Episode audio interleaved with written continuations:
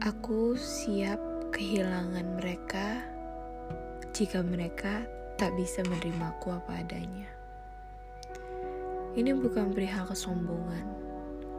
Ini adalah perihal yang muncul dari dua pertanyaan yang sangat sederhana.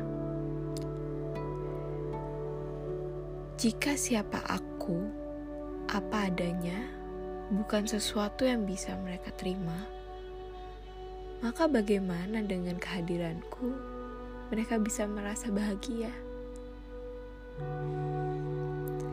Jika aku memaksa diri untuk berada bersama mereka yang aku tahu menolak bagian dari diriku, bagaimana aku bisa merasa bahagia? Tidak ada pihak yang salah dalam hal ini.